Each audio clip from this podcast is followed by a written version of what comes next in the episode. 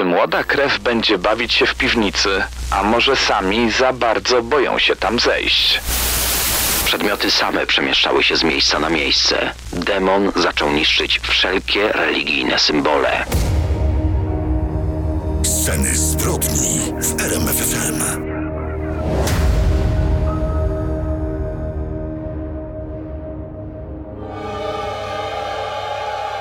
Dzisiaj temat na Wasze życzenie, życzenie słuchaczy. Trochę inny, bo nie do końca wiadomo, czy mówimy o scenach zbrodni? No właśnie. Nawiedzone domy, bo tym chcemy się zająć, jednak uważa się za miejsca zbrodni sprzed lat, w których to echo dawnych nikczemnych postępków wpływa na obecnych mieszkańców. Choć jak to w przypadku spraw paranormalnych, trudno o dowody. Temat jednak ciekawy i nie ukrywam, ja z pewną e, przyjemnością zanurzyłem się w tym tajemniczym świecie duchów, demonów a może to jednak było coś innego? Za chwilę nawiedzony dom znany z filmu Udręczeni, a później pytanie, czy nawiedzony, czy mocno strzeżony dom znany z serialu Obserwator. Historia prawdziwego koszmaru, który rozegrał się w Westfield. Zostańcie dzisiaj z RMFFM. Sceny zbrodni w RMFFM.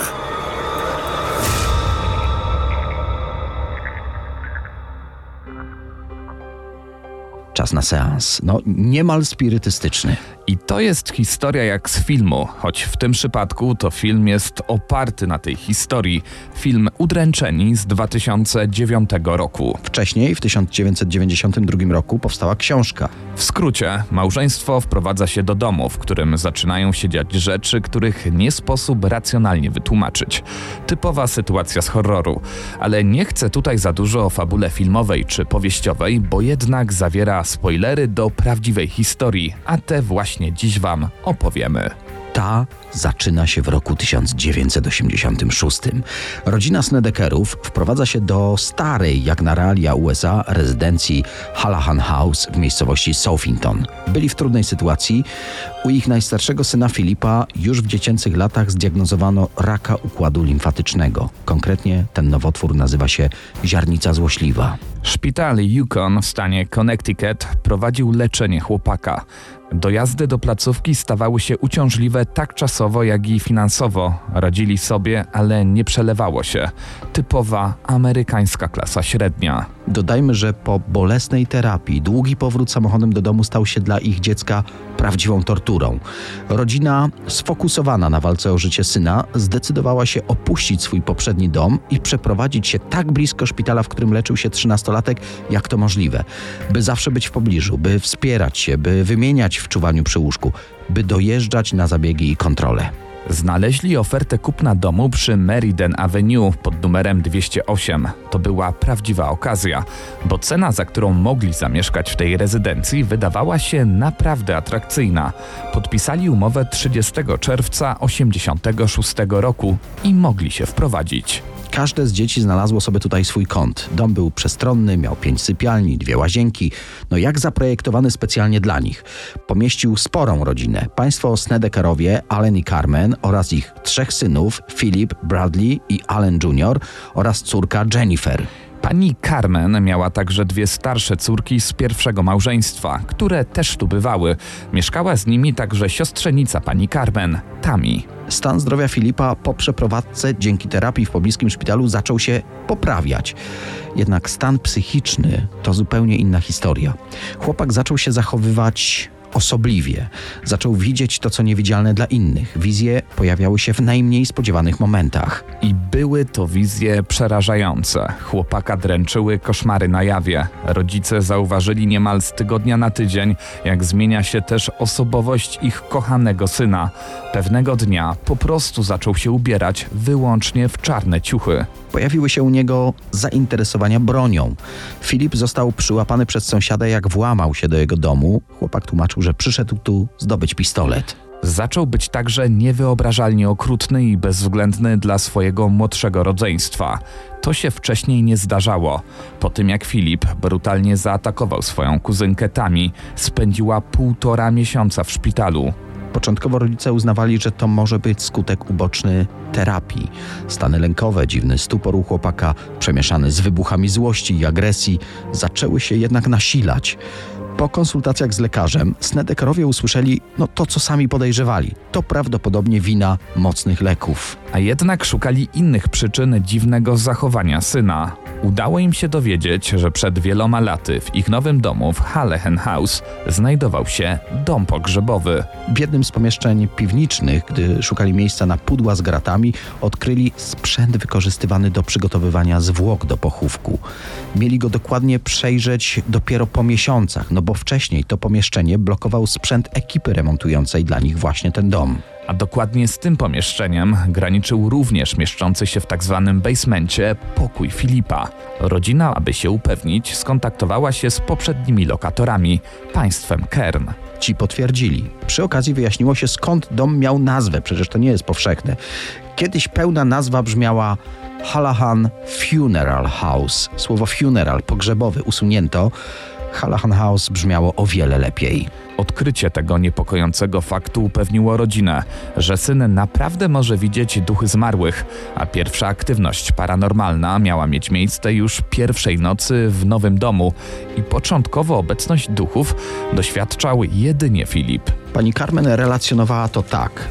Mój syn zaczął widywać jakiegoś młodego mężczyznę z długimi, czarnymi włosami.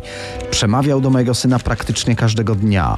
Czasami go dręczył fizycznie, czasem po prostu przy nim stał i nieustannie powtarzał imię Filip, Filip, Filip, co wystarczyło, by przerazić mojego syna. Z czasem wizje, które dręczyły Filipa, zaczęły być wyczuwane także przez innych członków rodziny. Intensywność zjawiska narastała. Sama pani Carmen wspomina, że gdy mopowała podłogę, woda w wiadrze po prostu stała się krwisto-czerwona. Wydzielała zapach rozkładającego się mięsa. 17-letnia kuzynka Snedekerów wspominała o dziwnym uczuciu, że nie jest sama w pokoju. Często, gdy spała w łóżku, budził ją czyjś dotyk, a jednak po zapaleniu światła w sypialni nikogo nie było. Inni członkowie rodziny słyszeli szepty niewiadomego pochodzenia albo nagłe hałasy, których źródła nie potrafili odnaleźć. Mieli widzieć również zarysy zjaw. Przedmioty same przemieszczały się z miejsca na miejsce. Z czasem ten demon lub demony zaczął niszczyć wszelkie religijne symbole. A to się wciąż nasilało. Snedekerowie doświadczyli ataków fizycznych. Ktoś ich uderzał, ktoś popychał. Zarówno pani domu, jak i pan domu mieli doznać ataków o podłożu seksualnym. Te zjawiska miały trwać przez dwa lata. W tym czasie zarówno rodzina, jak i dom mocno podupadał. W końcu rodzice zdecydowali się wysłać Filipa na kilka dni do dalszej rodziny. Może wyjazd, zmiana środowiska dobrze mu zrobią. I rzeczywiście, z dala od nawiedzonego domu nagle wszelkie złowrogie wizje ustały. Przestał także słyszeć głosy. Jednak gdy wrócił do Halehen House, wszystko powróciło i to z większą mocą. Musimy tu wspomnieć, że sąsiedzi niczego podejrzanego nie zauważali.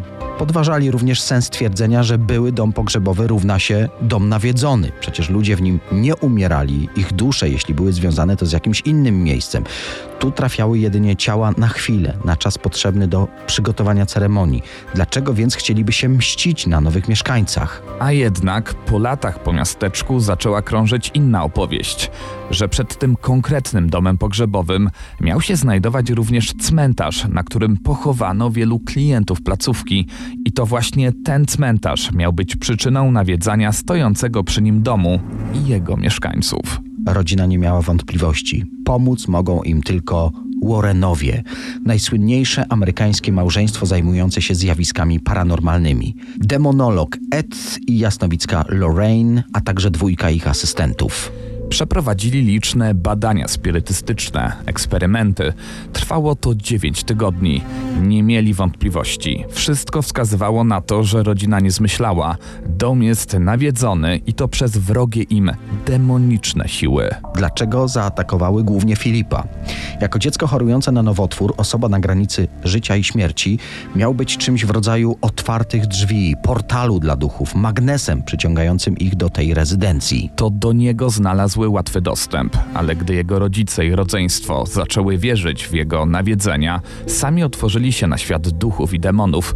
Tak to tłumaczyli ci specjaliści od zjawisk paranormalnych. Psychologowie tłumaczyli raczej, że to stan psychiczny dziecka kazał rodzinie szukać pozaracjonalnego wytłumaczenia jego zachowań, a tym samym rodzice i rodzeństwo każde drobne stuknięcie, naturalne trzeszczenie podłogi zaczęli uważać za potwierdzenie, że demoniczne siły krążą po domu i dręczą ich kochanego Filipa. Warrenowie opowiedzieli o tych przypadkach w mediach. O Hallechen House zrobiło się naprawdę głośno.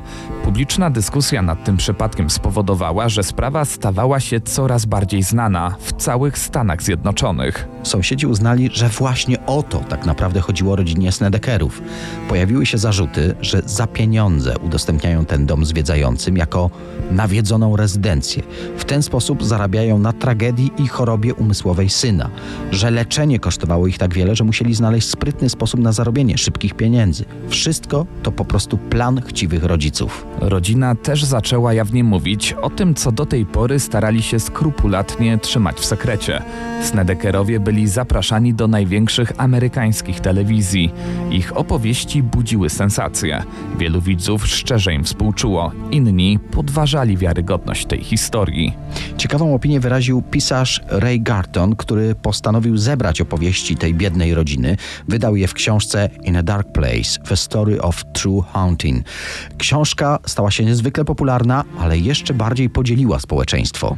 Po latach sam autor książki miał powiedzieć o jej pisaniu. Główni bohaterowie książki zmagali się z licznymi poważnymi problemami, takimi jak uzależnienie od leków czy alkoholu. Nie potrafili utrzymać jednej wersji swojej historii. Byłem więc sfrustrowany.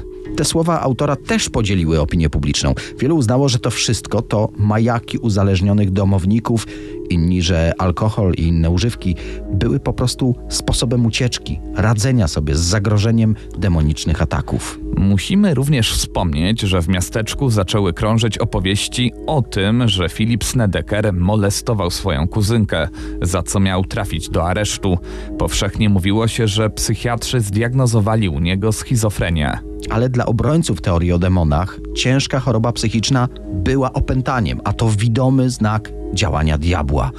Zdecydowano się skorzystać z pomocy katolickiego egzorcysty. 6 września 1988 roku ksiądz przeprowadził wypędzanie złego ducha z ciała Filipa. Podobno przypominało to sceny z horrorów, choć jeśli widzieliście film Udręczeni, rodzina twierdziła, że sceny egzorcyzmów złagodzono.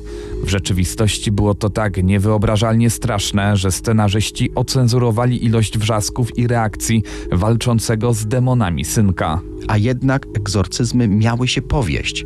Cały dom poświęcono, zło wypędzono, wszelkie zjawiska paranormalne nagle ustały. Pod koniec tego samego roku rodzina Snedekerów opuściła Hallehan House i już nigdy do niego nie powróciła.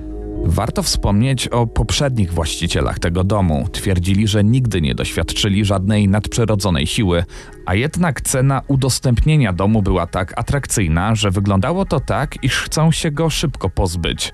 Zwolennicy teorii o nawiedzeniu twierdzili, że po prostu nie chcą się przyznać publicznie do sprzedaży niebezpiecznej nieruchomości i wykorzystania trudnej sytuacji Snedekerów. Kolejni właściciele domu po 10 latach mieszkania w tej nawiedzonej rezydencji, pytani przy okazji premiery filmu o jakieś oznaki nawiedzenia domu, wszystkiemu zaprzeczyli. Powiedzieli jedynie: Nasz dom jest po prostu cudowny. Sceny zbrodni w RMFFM.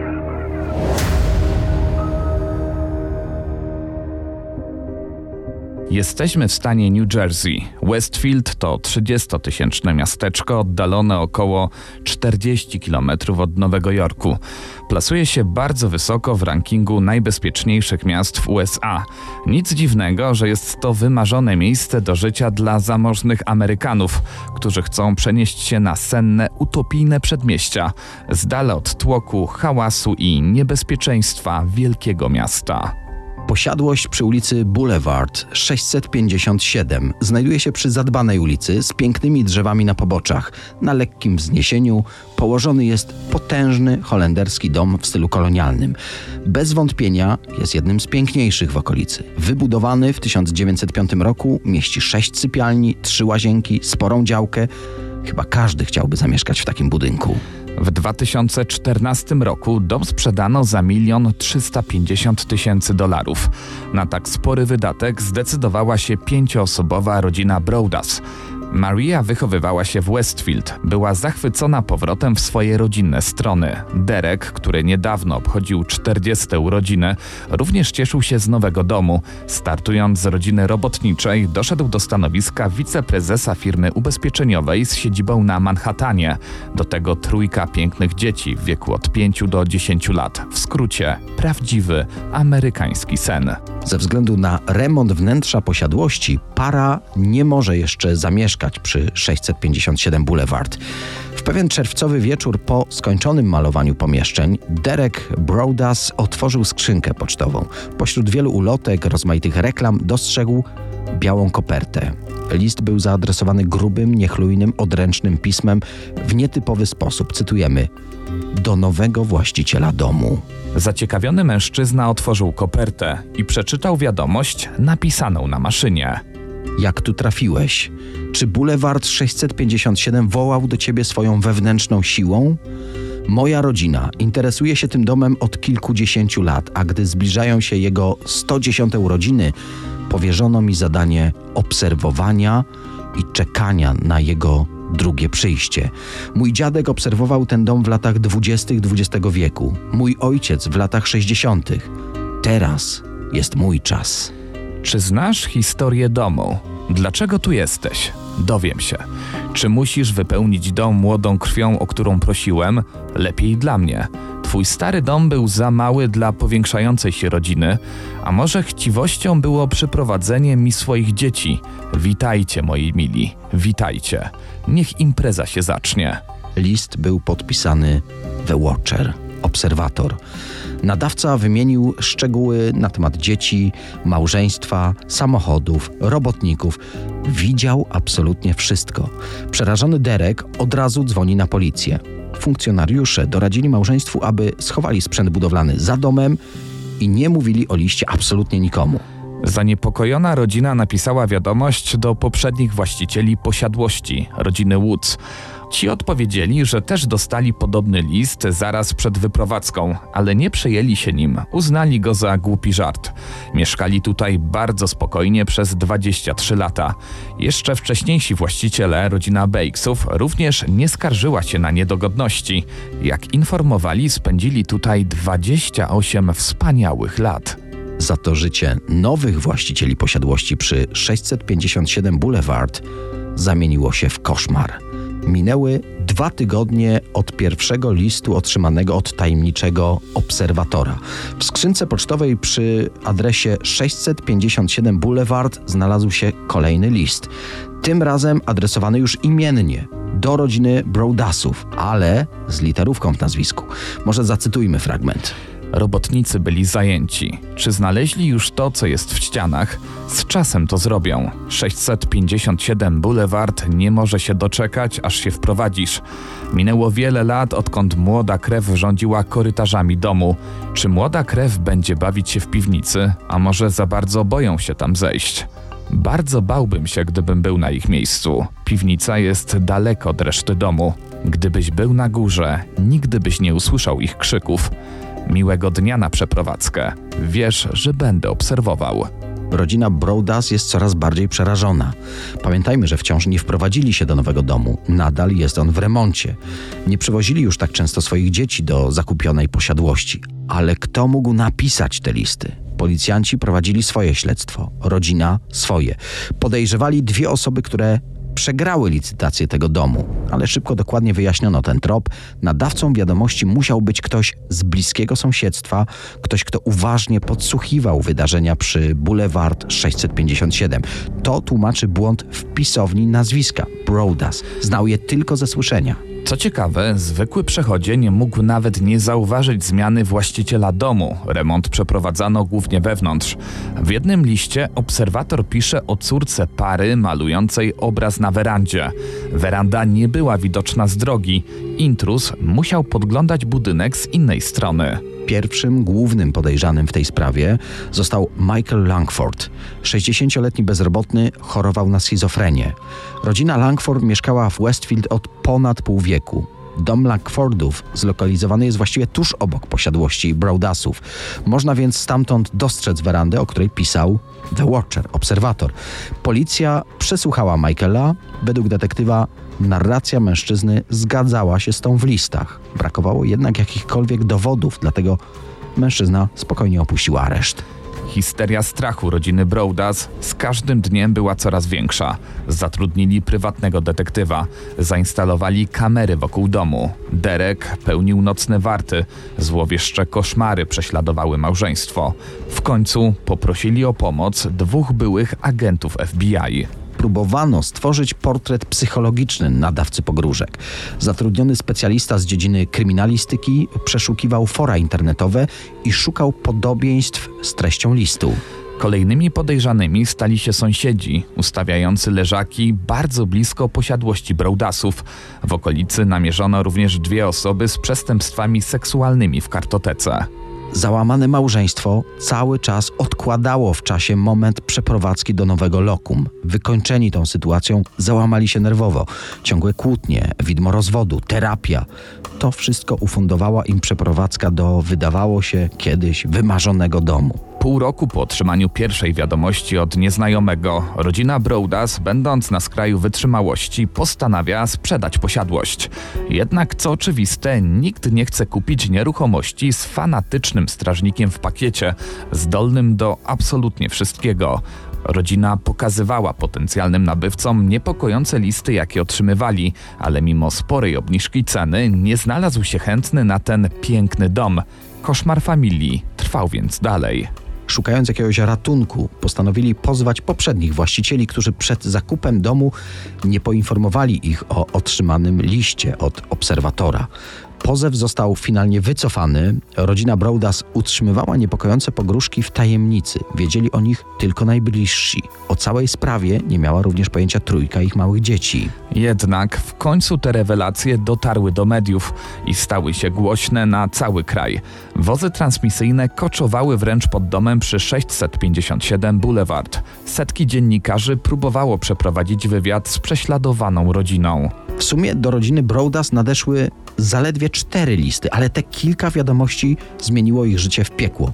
Hipotez w tej sprawie było bardzo wiele. Jedna zakładała kochankę Dereka, która postanowiła się na nim zemścić. Natomiast na jednym z nadesłanych listów zlokalizowano kobiece DNA. Podejrzewano, że może być nią Abby, siostra Michaela Langforda. Kobieta była agentką nieruchomości i mogła współpracować z bratem.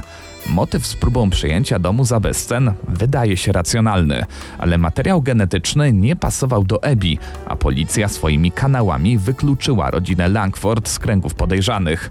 Michael zmarł w 2020 roku. Rodzina przeznaczyła potężne środki na prywatne śledztwo. Ciekawym tropem był samochód, który zatrzymał się na dłuższą chwilę przy posesji o wskazanym adresie 657 Boulevard. Detektywi namierzyli mężczyznę z auta. Jego dziewczyna wyznała, że w pewnej grze komputerowej nazwał on swoją postać pseudonimem właśnie The Watcher, tak jak podpisywał się na listach obserwator z Westfield. Mężczyzna nie pojawił się na umówionych spotkaniach, dowody przeciwko niemu były zbyt słabe, aby tym tropem podążyć. Spekulowano, że rodzina Broadas, przytłoczona wydatkami na zakup domu i jego remont, próbowała skonstruować jakiś przekręt z ubezpieczeniem, który pozwoliłby im wyjść na prostą. Tymczasem lata mijały, a nadal nikt nie chciał kupić nieruchomości z anonimowym strażnikiem. Właściciele planowali nawet zburzyć dom, działkę podzielić na dwie mniejsze, może wtedy znajdzie się jakiś kupiec. Ta propozycja rozwścieczyła ludność z Westfield i rzuciła jeszcze większe podejrzenia na rodzinę Broadas. Wielu mieszkańców tego miasta do dzisiaj bagatelizuje tę historię. Finalnie 1 lipca 2019 roku, 5 lat po zakupie posiadłości przy 657 Boulevard, rodzina Broadas sprzedała dom swoich marzeń, który zmienił ich życie w piekło. Na samej nieruchomości stracili ponad pół miliona dolarów, nie licząc potężnych kosztów remontu, prawników, detektywów, no i innych kosztów związanych z listami obserwatora. Wydali fortunę na dom, w którym nigdy właściwie nie zamieszkali. Dzisiaj Broadasowie nadal mieszkają w Westfield, na szczęście dla nich w innym domu. Do dzisiaj nie ustalono, kto był nadawcą upiornych anonimów. W 2022 roku powstał serial pod tytułem The Watcher, przedstawiający historię domu przy 657 Boulevard. Pieniądze, jakie rodzina Broadas otrzymała za prawa do ekranizacji, nie pokryły nawet strat związanych ze sprzedażą domu.